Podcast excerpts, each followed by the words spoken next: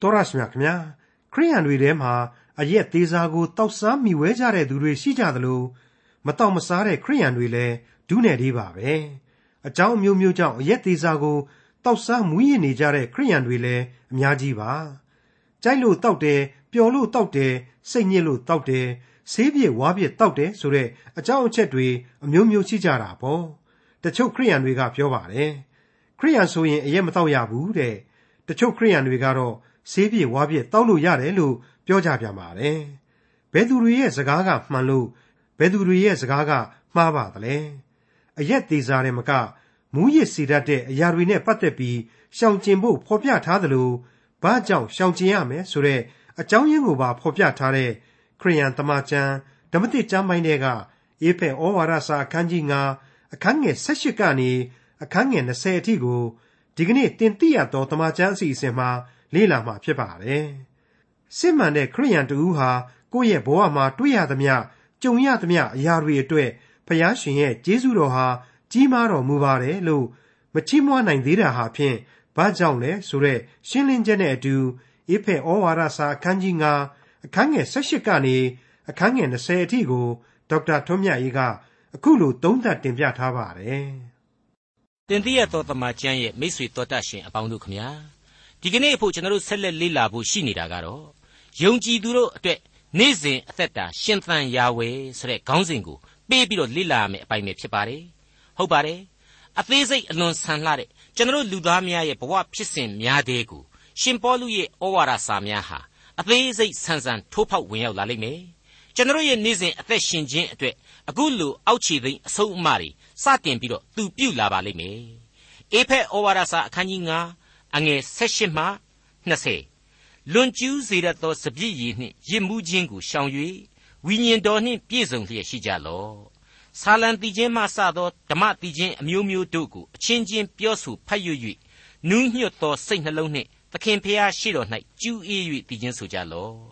ခသိန်းသောအရာတို့၌ကျေးဇူးတော်ကြီးလပါ၏ဟုငါတို့သခင်ယေရှုခရစ်၏နာမတော်ကိုထောက်၍ခမည်းတော်ဖျားသခင်ရှိကာလအစဉ်မပြတ် ဝန်ခံကြလော့ဒီကျမ်းစာတွေကဖော်ပြချက်ထဲကလွန်ကျူးစေတတ်သောစပြည့်ရည်ဆရာဟာအရက်နဲ့အခြားမူရစ်ဆေးဝါးတွေအကုန်လုံးကိုပြောတာလို့အခုခေတ်အမြင်နဲ့ကျွန်တော်တို့ခံယူနိုင်ပါလိမ့်မယ်လူစိတ်ကိုပြောင်းလဲစေတတ်တဲ့ဆေးဝါးတွေအကုန်ဟာလွန်ကျူးစေတယ်ရန်ဖြစ်စေတယ်ဒါကြောင့်မလို့မူရစ်ဆေးဝါးအကုန်လုံးကိုပေါင်းယုံပြီးတော့ဖော်ပြလိုက်ခြင်းပဲဖြစ်ပါတယ်ဒါကိုစကပြေအဖြစ်ပြန်လိုက်မယ်ဆိုရင်တော့လူစိတ်ကိုဖောက်ပြန်စေတဲ့ ဘိန်းကင်းကစော်လှော်စားအရက်တွေကိုသုံးဆွဲပြီးတော့အပျော်အပါးတွေကိုမရှာကြပါနဲ့အဲ့ဒီနီးနဲ့ပျော်ရွှင်ခြင်းတွေကိုရှောင်ကျဉ်ကြပါဆာလံတီခြင်းမှအစခရစ်တော်ရဲ့ဘုန်းတော်ကိုချီးမွမ်းတဲ့ဓမ္မတီခြင်းတွေကိုတည်ဆိုပြီးတော့ဘုရားသခင်ရှေ့တော်မှောက်မှာပဲပျော်ရွှင်နိုင်ကြပါစေဆိုပြီးတော့လွယ်လွယ်ကလေးအတိတ်ပဲပေါ်ထွက်လာပါလိမ့်မယ်ဒီအကြောင်းကိုစဉ်းစားရမှာလူစိတ်ကိုပြောင်းလဲစေခြင်းဆိုတဲ့အချက်ပေါ်မှာမူတည်စဉ်းစားလိုက်မယ်ဆိုရင်အကောင်းဆုံးအဖြေကိုရလိမ့်မယ်လို့ကျွန်တော်ဆိုချင်ပါတယ်တကယ်တော့ ဆေးလိပ်ကွန်းရအရက်စတဲ့ကျွန်တော်အများဆုံးရင်ပါထိတွေ့နေရတဲ့ပေါ်ပေါ်လောလောလူအသုံးအဆောင်တွေကနေစပြီးတော့စဉ်းစားမယ်ဆိုရင်လေအဖြေမှန်ကိုရနိုင်မယ်လို့ထင်ပါတယ်တမန်တော်ကြီးကနေပြီးတော့သေရသေရဲ့ရှောင်ကြည်ရေးအသင်းဥက္ကဋ္ဌကြီးတယောက်လိုအတင်းအကျပ်ဘာဆေးလိပ်ဘာကွန်းဘာအရက်မှမကောင်းဘူးအကုန်လုံးကိုသိမ့်ကြုံပြီးတော့ငါကန့်ကွက်တယ်ဟေးဆိုပြီးတော့ဆန့်ကျင်ရရင်ပြီးရောသဘောမျိုးနဲ့အထက်စီးကနေဆိုတာမဟုတ်ဘဲနဲ့နှိုင်းရှင်တရုတ်ကိုဖော်ထုတ်ဆုံးမခြင်းတစ်မျိုးပါပဲ အဲ့ဒီတမန်တော်ကြီးရဲ့အေဖက်ဩဝါဒစာရေးသားနေတဲ့ခေတ်တုန်းကလူတွေအများဆုံးသုံးဆွဲနေကြတဲ့စပြည့်ရည်သို့မဟုတ်အရက်ကိုဥတီပြီးပြောလိုက်တာဟာအဲ့ဒီအရက်ကိုတောက်ပြီးမှပျော်မဲ့အစားဘုရားသခင်ကျေးဇူးတော်ကိုချီးမွမ်းရင်းနဲ့ပျော်ရွှင်ကြပါလားကွယ်ဆိုတာကိုဖော်ပြလိုက်ခြင်းပဲဖြစ်ပါတယ်ဟုတ်ပါတယ်ဒီအရက်ကိုတောက်မယ်ဆိုရင်မူရစ်လာတယ်ရီတီတီနဲ့ပျော်ရွှင်မြူးတူလာနိုင်တယ်ဒါပေမဲ့ဒီပျော်ရွှင်မှုဟာအသွေးအသားနဲ့ပဲဆိုင်နေ အာယုံကြောကလေးတွေနဲ့ပဲဆိုင်တယ်စိတ်နဲ့ပဲဆိုင်နေဒီအရက်ရဲ့အာနိသင်ဟာလေကောက်ရိုးမီးများလိုပဲတခဏအတွက်သာဖြစ်တယ်မိထိုးပေးတဲ့သဘောမျိုးသာဖြစ်တယ်ငြိမ်သက်ခြင်းအရှင်းမရှိဘူးလွန်လွန်ကျူးကျူးတွေစတင်ဖြစ်ပွားလာနိုင်တယ်ပရိပက္ခတွေအားပြိုင်မှုတွေကိုဖြစ်ပွားလာစေနိုင်တယ်နောက်ဆုံးကြတော့ကိုယ့်ရဲ့ခန္ဓာမှာထိခိုက်တယ်အာယုံကြောတွေကိုချိနဲ့အားပြော့သွားလောက်အောင်တိုက်ခိုက်လာနိုင်တယ်ဒါကြောင့်မို့လို့အဲ့ဒီလိုအရက်ကိုမူးယစ်မဲ့အစား ဖျားသခင်ရဲ့တန်ရှင်းသောဝိညာဉ်တော်နဲ့သာလျှင်ကိုခန္ဓာမှာပြည့်စုံကြပါဆရာကိုဖော်ပြလိုက်တာပါပဲဒါဆိုရင်ကိုခန္ဓာကိုအရက်နဲ့တကွအခြားသောမူရစ်ဆေးတွေစိတ်ကိုပြောင်းလဲဖောက်ပြန်တတ်တဲ့ဆေးတွေအဲ့ဒီဆေးတွေဝါးတွေအကုန်လုံးဟာဖျက်ဆီးပစ်နိုင်တယ်ဝိညာဉ်တော်ကတော့ပြန်လဲတိဆောက်ပေးနိုင်တယ်ဆိုတဲ့သဘောတရားအလိုလိုပါဝင်လာပါတယ်အခုလိုအရက်နဲ့ဝိညာဉ်တော်ကိုရှင်ပေါလုကဆန့်ကျင်ဘက်ဥပမာတွေအဖြစ်ဖော်ပြလိုက်တာဟာ အဲ့ဒီရှေးကာလအချိန်အတွက်လိုအပ်တယ်လို့ဒီကနေ့အဖို့လည်းအလွန်အရေးတကြီးလိုအပ်နေတယ်လို့ကျွန်တော်ဆိုချင်ပါတယ်တခြားမဟုတ်ပါဘူးလူအဖွဲ့အစည်းဟာထွက်ပေါက်ဖြစ်တဲ့ပျော်ရွှင်မှုကိုရှာကြတဲ့နေရာမှာအရက်သေးစားဟာထိတ်တန်းလက်နဲ့လူဖြစ်နေပါပြီ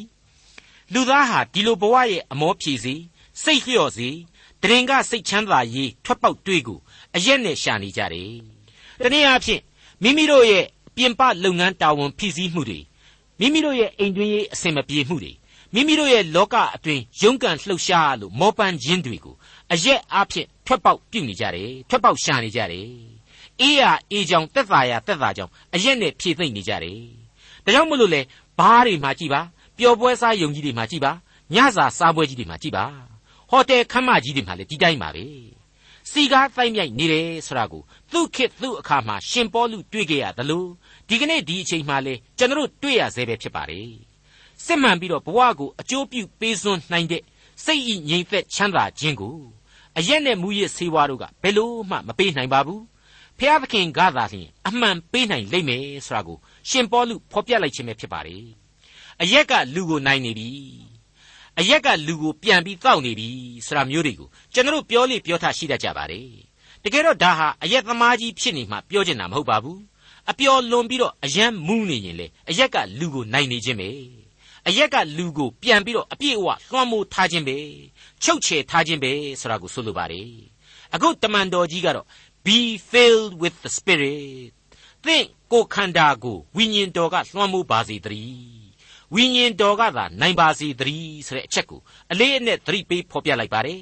ဒီတော့တမန်တော်ကြီးရဲ့ဆုံးမဩဝါဒစာဟာအလွန်ဝိညာဉ်ရေးအတိတ်ပဲလေးနဲ့တည်း တရားသဘောတွေပါဝင်တယ်အသက်လန်းခရီးဖြစ်တယ်လို့ကျွန်တော်သုံးသပ်ပါတယ်အသက်လန်းခရီးလို့ကျွန်တော်ဒီနေရာမှာဆိုရတာကအရက်နဲ့တကွသောအခြားမူရစ်စေဝါအပေါင်းတို့ဟာအပြက်လန်းကိုဥတီနေစေတယ်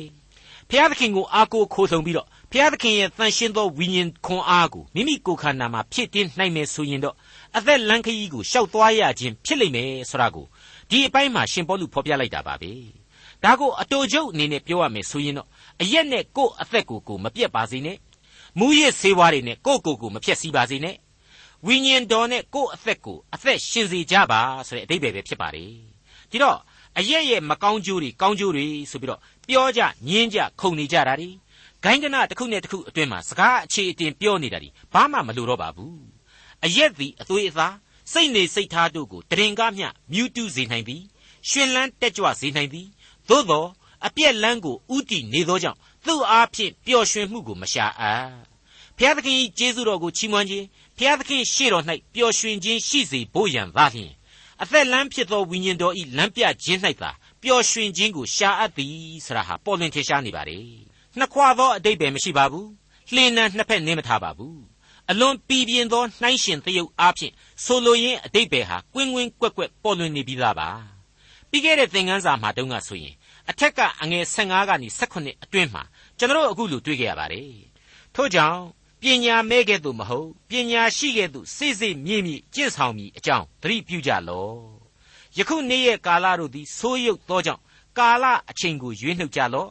ထို့ကြောင့်သတိမရှိသောသူမဖြစ်သခင်ဖျား၏အလိုတော်ရှိရာကိုပိုင်းခြား၍သိသောသူဖြစ်ကြလော့တဲ့အဲ့ဒီလိုဆိုခဲ့ပါတယ်အခုအရက်သေးစာနဲ့ပျော်ရွှင်ခြင်းလွန်ကျူးခြင်းဆိုတာကို ဝိညာဉ်အားဖြင့်သာပျော်ရွှင်ခြင်းနဲ့အစားထိုးကြပါဆိုတဲ့အချက်ဟာ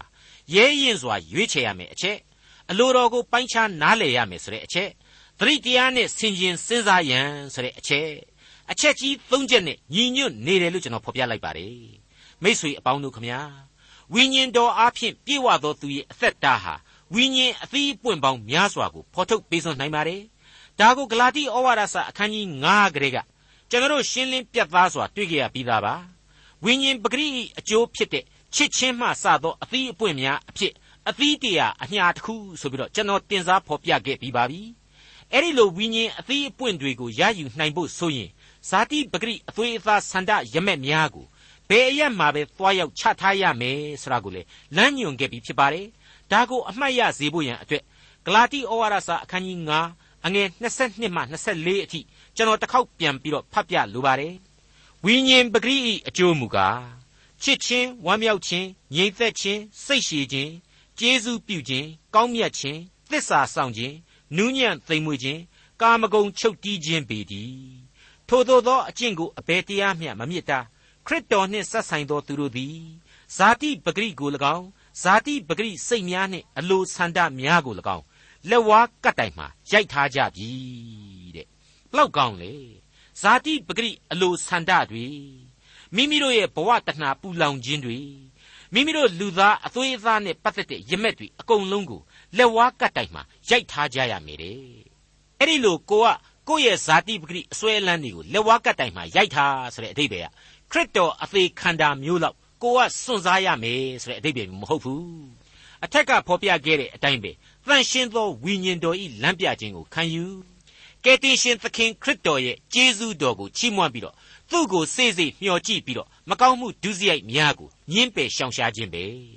ဒီတော့အရက်သေးရစာဖြစ်စေမူရစ်ထုံထိုင်းစေတဲ့အရာတစ်ခုခုဖြစ်စေသွေးကြွစေတဲ့အရာတစ်ခုခုဖြစ်စေ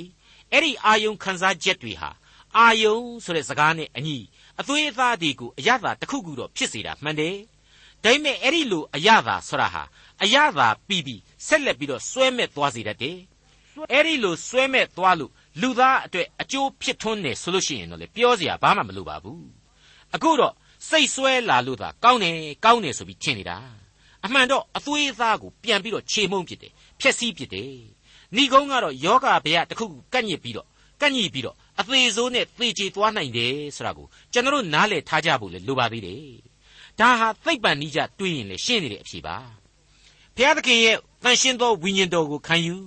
ဘုရားသခင်ရဲ့အလိုတော်ကိုလိုက်နာပြီးတော့ပျော်မွေ့ခြင်းဆိုတာနဲ့စောစောကလောကီအရာဆွဲလန်းခြင်းတွေကိုကျွန်တော်ဟာအစားထိုးကြဖို့လိုပါတယ်ဒီအပိုင်းကိုကျွန်တော်ရေးသားရင်းနဲ့ဝိညာဉ်တော်အားဖြင့်သီးပွင့်ဝေစာတဲ့အခွင့်ဝမ်းမြောက်ခြင်းအခွင့်တို့ဟာခရစ်တော်စီမှာသေသေးချာရယူနိုင်တယ်တနည်းအားဖြင့်လောကီအစွဲအလန်းတွေကိုအောင်မြင်စွာတွန်းလှန်တိုက်ထုတ်နိုင်တယ်လောကီပျော်မွေ့ခြင်းအရသာကိုခံစားရတယ်လို့ ယေရှု၌ဝမ်းမြောက်ခြင်းရှိနိုင်တယ်ဆိုတာကိုရှင်ယောဟန်ခရစ်ဝင်ကျမ်းအားဖြင့်ကျွန်တော်တိုက်တွန်းအားပေးခြင်းပါတယ်ရှင်ယောဟန်ခရစ်ဝင်ကျမ်းအခန်းကြီး15အငယ်8မှ7ကိုနားဆင်ကြည့်ကြပါသင်တို့သည်များစွာသောအသီးကိုသီးသောအားဖြင့်ငါခမည်းတော်သည်ဘုံထင်ရှားတော်မူ၍သင်တို့သည်လည်းငါဤတပြည့်မှန်ကြလိမ့်မည်ခမည်းတော်သည်ငါကိုချစ်တော်မူတဲ့ကဲ့သို့ငါသည်သင်တို့ကိုချစ်ငါဤချစ်ချင်းမေတ္တာ၌တည်နေကြလော့ ငါသည်ငါခမည်းတော်ဤပြည့်ညတ်တို့ကိုစောင့်ရှောက်၍ခမည်းတော်ဤမေတ္တာ၌တည်နေတဲ့ကဲ့သို့သင်တို့သည်ငါပြည့်ညတ်တို့ကိုစောင့်ရှောက်လျင်ငါမေတ္တာ၌တည်နေလိမ့်မည်သင်တို့၌ငါဝမ်းမြောက်เสียအကြောင်းတည်စေခြင်းဟာ၎င်းသင်တို့ဝမ်းမြောက်เสียအကြောင်းစုံလင်စေခြင်းဟာ၎င်းဤစကားကိုသင်တို့အားငါဟောပြော၏ငါပြည့်ညတ်ဟူမူကားငါသည်သင်တို့ကိုချစ်သည်နိတူသင်တို့သည်အချင်းချင်းချစ်ကြလော့တဲ့ အဲ့ဒီလိုတွေ့ရခြင်းဖြစ်ပါလေ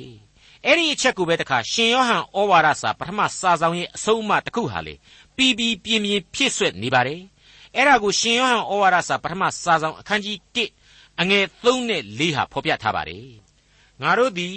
ခမည်းတော်နှင့်၎င်းသားတော်ယေရှုခရစ်နှင့်၎င်းမိသဟာယဖွဲ့ရသည်ဖြစ်၍သင်တို့သည်ငါတို့နှင့်မိသဟာယဖွဲ့စီခြင်းဟာငါတို့ကြားမြင်ရသောအရာကိုသင်တို့အားပြသကြ၏ သင်တို့ဤဝမ်းမြောက်စရာအကြောင်းစုံလင်စေခြင်းဟာလေဤအရာများကိုငါတို့သည်ရေးလိုက်ကြ၏တဲ့မိษွေတော်တတ်ရှင်အပေါင်းတို့ခမညာလောကပျော်မွေ့ခြင်းတွေတဲ့ကယ်တင်ရှင်ကိုအားကိုးခိုလှုံ၍ပျော်မွေ့နိုင်ကြပါစေလို့ကျွန်တော်တို့ဆုတောင်းပေးပါတယ်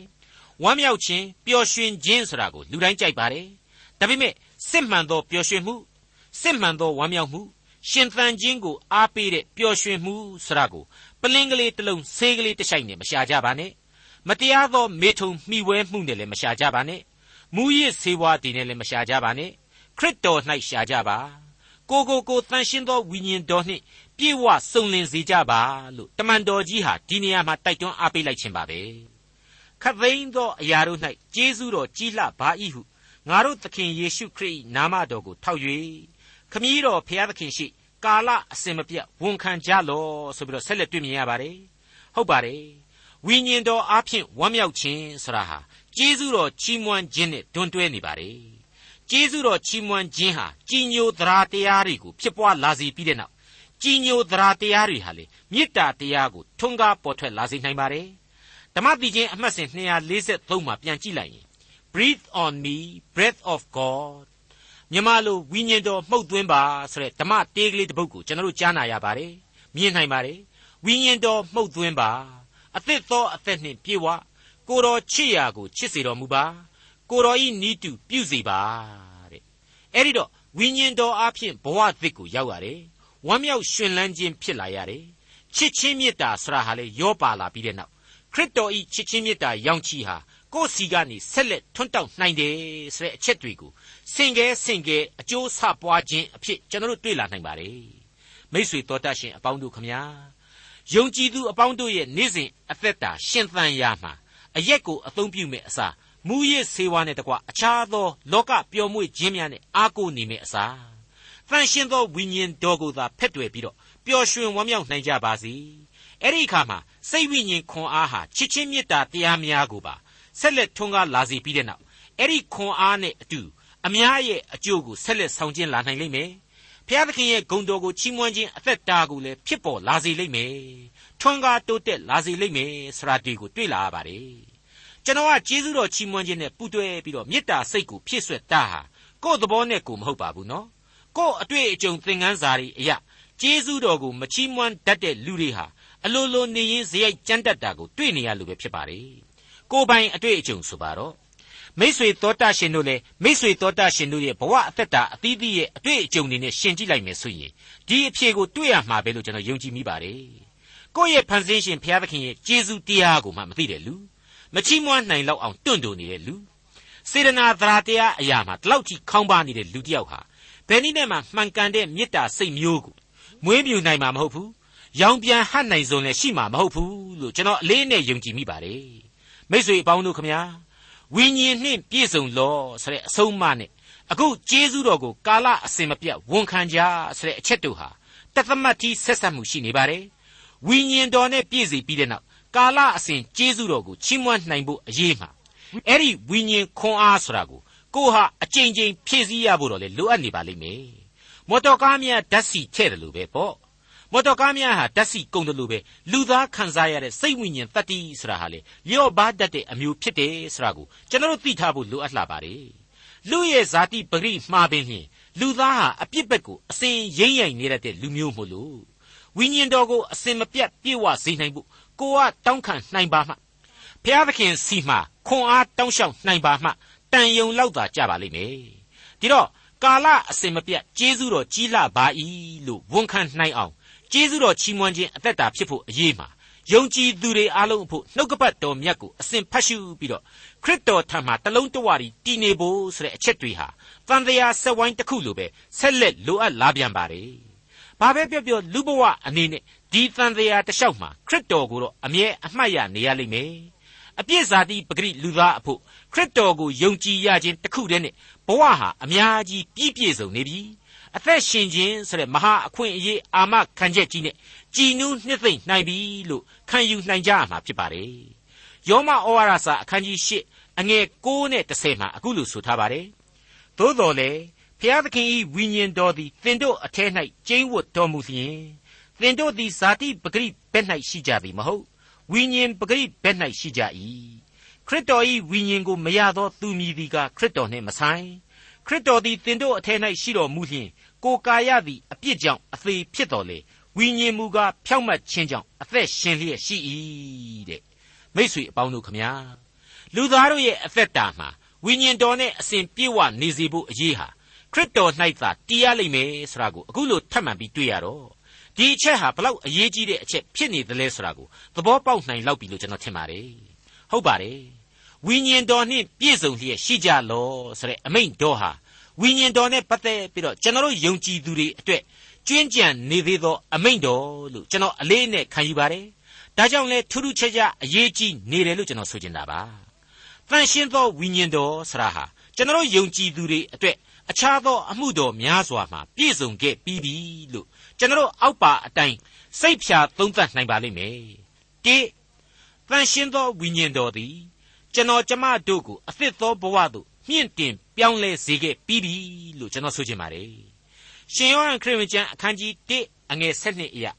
ထိုသူကိုလက်ခံသမျှသောသူကြီးဟုသော ကိုတော်ကိုယုံကြည်သောသူတို့အားဖျားသခင်ဤသားဖြစ်ရသောအခွင့်ကိုပေးတော်မူ၏လို့ပြတ်သားစွာတွေ့ကြရပြီမဟုတ်ဘူးလားဒါဟာဝိညာဉ်တော်အဖျင်အသစ်သောဘဝကိုမြင့်တက်လာရခြင်းပဲလို့တွေ့ရပါတယ်နှစ်တန်ရှင်းသောဝိညာဉ်တော်ဟာယုံကြည်သူတိုင်းစီမှကျင့်ဝတ်ခဲ့ပြီဖြစ်ပါတယ် ဒါကိုခရစ်တော်ကိုယ်တော်တိုင်ကဝိညာဉ်တော်ကိုချထားပေးမယ်ဆိုတဲ့ဂရိယေအသင်းတော်သည်ခရစ်တော်ဤခန္ဓာတော်ခရစ်တော်၌လူသစ်ဖြစ်သည်ဆိုတဲ့အချက်များရေကြောင့်အတိအကျကျွန်တော်ပြောနိုင်ပါတယ်ယုံကြည်သူတိုင်းစီမှာဝိညာဉ်တော်သည်ကျင့်ဝတ်ခဲ့ပြီးပြီဒါပေမဲ့ဒီဝိညာဉ်တော်ကိုသာကျွန်တော်တော်လှန်ပြစ်ကြတာရှိနိုင်တယ်သူ့ကိုယ်သာကျွန်တော်ဟာစိတ်နာအောင်လှုပ်တတ်ကြတယ်ဆိုတဲ့အချက်ကိုမေ့ထားလို့မရနိုင်ပါဘူး ပြီးခဲ့တဲ့ယောမဩဝါဒစာအခန်းကြီး၈အငယ်၉အရာဆိုရင်သင်တို့သည်ဇာတိပဂရိဘက်၌ရှိကြသည်မဟုတ်ဝိညာဉ်ပဂရိဘက်၌ရှိကြ၏ခရစ်တော်ဤဝိညာဉ်ကိုမရသောသူမည်သည်ကခရစ်တော်နှင့်မဆိုင်ဆိုပြီးတော့ရှင်ပေါလုယောမအသင်းတော်ကိုရေးခဲ့တာထင်ရှားတွေ့ရပါတယ်အဲ့ဒီအခန်းကြီး၈အငယ်၁၁မှာကျတော့တခါဆက်ပြီးတော့သင်တို့အထဲ၌ကျိန်းဝတ်သောမိမိ၏ဝိညာဉ်တော်အားဖြင့်သေရသောသင်တို့၏ကိုယ်ကာယကိုပင် ရှင်စေတော်မူမည်ဆိုတဲ့အချက်တွေဟာသူ့ရဲ့အသင်းတော်သူ့ကိုယုံကြည်သူတို့အပေါ်မှာကယ်တင်ရှင်သခင်ခရစ်တော်အားဖြင့်ဘုရားသခင်ပေးလိုက်တဲ့ကောင်းကြီးပဲဒီကောင်းကြီးဟာဘယ်လူသားကဘလောက်ပဲအပြစ်များနေနေဝိညာဉ်တော်ကိုဘုရားသခင်သည်ကျင့်ဝတ်စေခဲ့ပြီဆိုတဲ့တစ်ဖက်သက်မေတ္တာတော်အဖြစ်လူသားတို့အပေါ်မှာထင်ရှားစွာတည်နေပြီဆိုတာကိုကျွန်တော်ကိုသဘောပေါက်စေပါ रे 3တန်ရှင်းသောဝိညာဉ်တော်သည် ယုံကြည်သူကျွန်တော်ကျမတို့ကိုဝိညာဉ်တော်တစိ့ခတ်နှိပ်ပြီးပြီဆိုတာကိုကျွန်တော်အေဖက်ဩဝါဒစာမှာအစပိုင်းမှာကတည်းကတွေ့ကြရပါပြီအေဖက်ဩဝါဒစာအခန်းကြီး1အငယ်73မှာအထူးသဖြင့်ပြန်ကြည့်လိုက်မယ်ဆိုရင်သင်တို့သည်လည်းကဲတင်တော်မူခြင်းအကြောင်းနှင့်ရှင်သောဧဝံဂေလိတရားဒီဟုသောသမာတရားကိုကြားနာရ၍ထိုခရစ်တော်ကိုယုံကြည်ပြီးမှဂရိတော်နှင့်ရှင်သောတန်ရှင်းသောဝိညာဉ်တော်၏တစိ့ခတ်ခြင်းကိုခံရကြပြီတဲ့ အဲ့ဒီလိုဖော်ပြထားပါတယ်တခါအဲ့ဒီနောက်မှာပဲအငယ်၁၄မှာဆက်လက်ဖော်ပြလိုက်တာကတော့ပိုင်တိုက်တော်မူသောသူတို့သည်ဘုံတော်ကိုချီးမွမ်းခြင်းအကြောင်းနှင့်ရွေးနှုတ်တော်မူခြင်းသို့မရောက်မီကာလပတ်လုံးထိုဝိညာဉ်တော်သည်ငါတို့အမွေဤစယံဖြစ်တော်မူ၏အလွန်အလွန်အံ့ဩဖွယ်ကောင်းတဲ့ကျေးဇူးပြုတော်မူခြင်းကိုကျွန်တော်တို့ဟာခံစားရတဲ့လူသားတွေပါကယ်တင်ရှင်သခင်ခရစ်တော်ကိုယုံကြည်ခြင်းအပြင်ဒီအခွင့်အရေးကိုလူတိုင်းခံစားနိုင်ပါတယ် ဝိညာဉ်တော်အပြင်တစိ့ခတ်နှိပ်ခြင်းကိုခံယူနိုင်ပါတယ်ဝိညာဉ်တော်အပြင်ကောင်းကင်အမွေရဲ့စေယံကိုလူသားဟာရယူခံစားနိုင်ပါတယ်ဟုတ်ပါတယ်ကျွန်တော်တို့ကိုဘုရားသခင်ဟာကောင်းကင်နိုင်ငံတော်ကိုအမွေပေးဖို့ရန်ဝိညာဉ်တော်အပြင်ကျေးဇူးပြုထားပါတယ်တစိမ့်များခတ်တယ်လို့ခတ်နှိပ်ပြီးတော့လောကုတ်တရားစုကျေးဇူးအတွက်ကျွန်တော်တို့ကိုအာမခံချက်ပေးထားရရှိနေပါတယ်လေးအချက်အနေနဲ့နောက်ဆုံးအချက်ကတော့ ပြီးပြတ်စွာတည်ပြီးတဲ့အချက်ဖြစ်ပါတယ်ဝိညာဉ်တော်ဟာကျွန်တော်တို့ကိုအသစ်ပြောင်းလဲစေပြီဗတ္တိဇံပေးခဲ့ပြီးပြီဆိုတဲ့အချက်ပေါ်လာပါတယ်ဒါကိုတော့ကောရိန္သုဩဝါဒစာပထမစာဆောင်အခန်းကြီး7အငယ်73ဟာအခုလိုရှင်းပြထားပါတယ်ငါတို့ရှိသမျှသည်ဝိညာဉ်တော်တပါးဒီအဖြစ်တကိုယ်တည်းသို့ဗတ္တိဇံကိုခံကြ၏ငါတို့ရှိသမျှသည်တစိတ်တဝိညာဉ်တည်းသို့လည်းတောက်ကြ၏ဆိုပြီးတော့ဖြစ်ပါတယ်ဒီတော့ မိမိတို့ရဲ့ဘဝကိုမြင့်တင်ပေးခြင်းအသက်တာအတွက်ကျင့်ဝတ်တော်မူခြင်းအမွေခံဖို့ရန်တစိတ်ခတ်နှိပ်တော်မူခြင်းအသစ်သောပြောင်းလဲခြင်းကိုပြောင်းလဲထွန်းကားစေခြင်းစတဲ့ကျေးဇူးပြုတော်မူခြင်းအပေါင်းတို့ဟာဖြင့်ပြည့်စုံခဲ့ကြပြီဖြစ်ပါတယ်အခုအေဖက်ဩဝါဒစာမှာမြင်ရတဲ့လောကီပျော်မွေ့ခြင်းတွေနဲ့ပြည့်ဝဖို့တဲ့တန်ရှင်းသောဝိညာဉ်တော်နဲ့ပြည့်စုံပါစေဆိုတာကတော့တကွက်ကြံနေသေးတဲ့လိုအပ်ချက်ဖြစ်နေပါတယ် ကျွင်းကြံနေသေးသောလိုအင်ဖြစ်နေသေးတယ်ဆိုပြီးတော့သေသေးချာချာစဉ်းစားနိုင်တယ်အတွေးအခေါ်သစ်ဖြစ်လာစေနိုင်ပါတယ်အဲ့ဒီလိုအပ်ချက်ကတော့ထာဝရဘုရားကိုကြောက်ရွံ့ခြင်းဒီဟုသောပညာသတိအားဖြင့်အလိုတော်ကိုပိုင်းခြားသိမြင်လောကီပျော်မွေ့ခြင်းအပေါင်းတို့ကိုရှောင်ကျဉ်ပြီးတော့ကျေးဇူးတော်ကိုချီးမွမ်းလျက်ခရစ်တော်၏နာမတော်ကိုထောက်၍အစဉ်သဖြင့်သခင်နှင့်အသက်ရှင်ခြင်းအားဖြင့်သာလျှင်ဖြည့်ဆည်းနိုင်စွမ်းရှိလိမ့်မယ်ဆိုတာကို အေဖက်ဩဝါဒစာဟာကျွန်တော်တို့ကိုသွန်သင်ပေးလိုက်ပါတယ်ထို့ကြောင့်ပညာမဲ့ကဲ့သို့မဟုတ်ပညာရှိကဲ့သို့စိစိမြင့်မြင့်ကျင့်ဆောင်မိအကြောင်းသတိပြုကြလော့ယခုနေ့ရဲ့ကာလတို့သည်ဆိုးရုပ်သောကြောင့်ကာလအချိန်ကိုရွေးနှုတ်ကြလော့ထိုကြောင့်သတိမရှိသောသူမဖြစ်သခင်ဖျား၏အလိုတော်ရှိရာကိုပိုင်းခြား၍သိသောသူဖြစ်ကြလော့လွန်ကျူးစေတတ်သောစပြည့်ရည်နှင့်ရစ်မှုခြင်းကိုရှောင်၍ဝိညာဉ်တော်နှင့်ပြည့်စုံလျက်ရှိကြလော့ ဆာလံတိချင်းမှစသောဓမ္မတိချင်းအမျိုးမျိုးတို့ကိုအချင်းချင်းပြောဆိုဖတ်ရွတ်၍နူးညွတ်သောစိတ်နှလုံးနှင့်သခင်ဖျားရှိတော်၌ကျူးအေး၍တည်ခြင်းဆိုကြလော့ခတ်သိမ်းသောအရာတို့၌ကျေးဇူးတော်ကြီးလှပါ၏ဟုငါတို့သခင်ယေရှုခရစ်၏နာမတော်ကိုထောက်၍ခမည်းတော်ဖျားသခင်ရှိကာလအစဉ်မပြတ်ဝန်ခံကြလော့မိษွေတော်တတ်ရှင်အပေါင်းတို့ခမညာနေ့စဉ်အသက်တာရှင်သန်ရာဝယ်ဆိုတဲ့ခေါင်းစဉ်ကိုပေးပြီးတော့ ဒီကနေ့ကျွန်တော်ကြားနာခဲ့ရတဲ့အေဖက်ဩဝါဒစာရဲ့သင်ခန်းစာများအပြင်မိษွေတော်တတ်ရှင်တို့အဖို့ကြီးမားသောဝိညာဉ်ခွန်အားများရရှိနိုင်ကြပါစေအဖဖျားသခင်ဤနှုတ်ကပတ်တော်မှပေးစွန်းသောသင်ခန်းစာများကိုလက်တွေ့နေပယ်မှကျင့်သုံးနိုင်ကြပါစေမြင့်မြတ်သောဝိညာဉ်ခွန်အားနဲ့စစ်မှန်သောပျော်ရွှင်ခြင်းကိုခံစားနိုင်ကြပါစေမိษွေတော်တတ်ရှင်တို့မှတဆင့်အဖဖျားသခင်ဤမေတ္တာဆုကျေးဇူးနဲ့ကဲတင်ခြင်းတရားအလင်းရောင်ဟာ ပတ်ဝန်းကျင်မှာထွန်းလင်းထင်ရှားနိုင်ပါစေဘုရားသခင်ဤဘုန်းတော်ကိုလည်းဝိညာဏအသင်းတော်ဝင်အသင်းတော်သူအသင်းတော်သားများအဖြစ်နဲ့လက်တွေ့ထင်ရှားနိုင်ကြပါစေတည်းလို့ကျွန်တော်တင်ပြရသောတမန်ကျန်အဖွဲ့မှမိတ်ဆွေများအားလုံးတို့အတွက်ဆုတောင်းမေတ္တာပို့သလိုက်ပါတယ်ခင်ဗျာဒေါက်တာထွန်းမြတ်ရေးစီစဉ်တင်ဆက်တဲ့တင်ပြရသောတမန်ကျန်အစီအစဉ်ဖြစ်ပါတယ်နောက်တစ်ချိန်အစီအစဉ်မှာခရိယန်တမန်ကျန်ဓမ္မသစ်ကျမ်းပိုင်းတွေကအေဖက်ဩဝါဒစာခန်းကြီး9 အခန်းငယ်21ကနေအခန်းငယ်25အထိကို လေ့လာမှဖြစ်တဲ့အတွက်စောင့်မျှော်နားဆင်နိုင်ပါတယ်။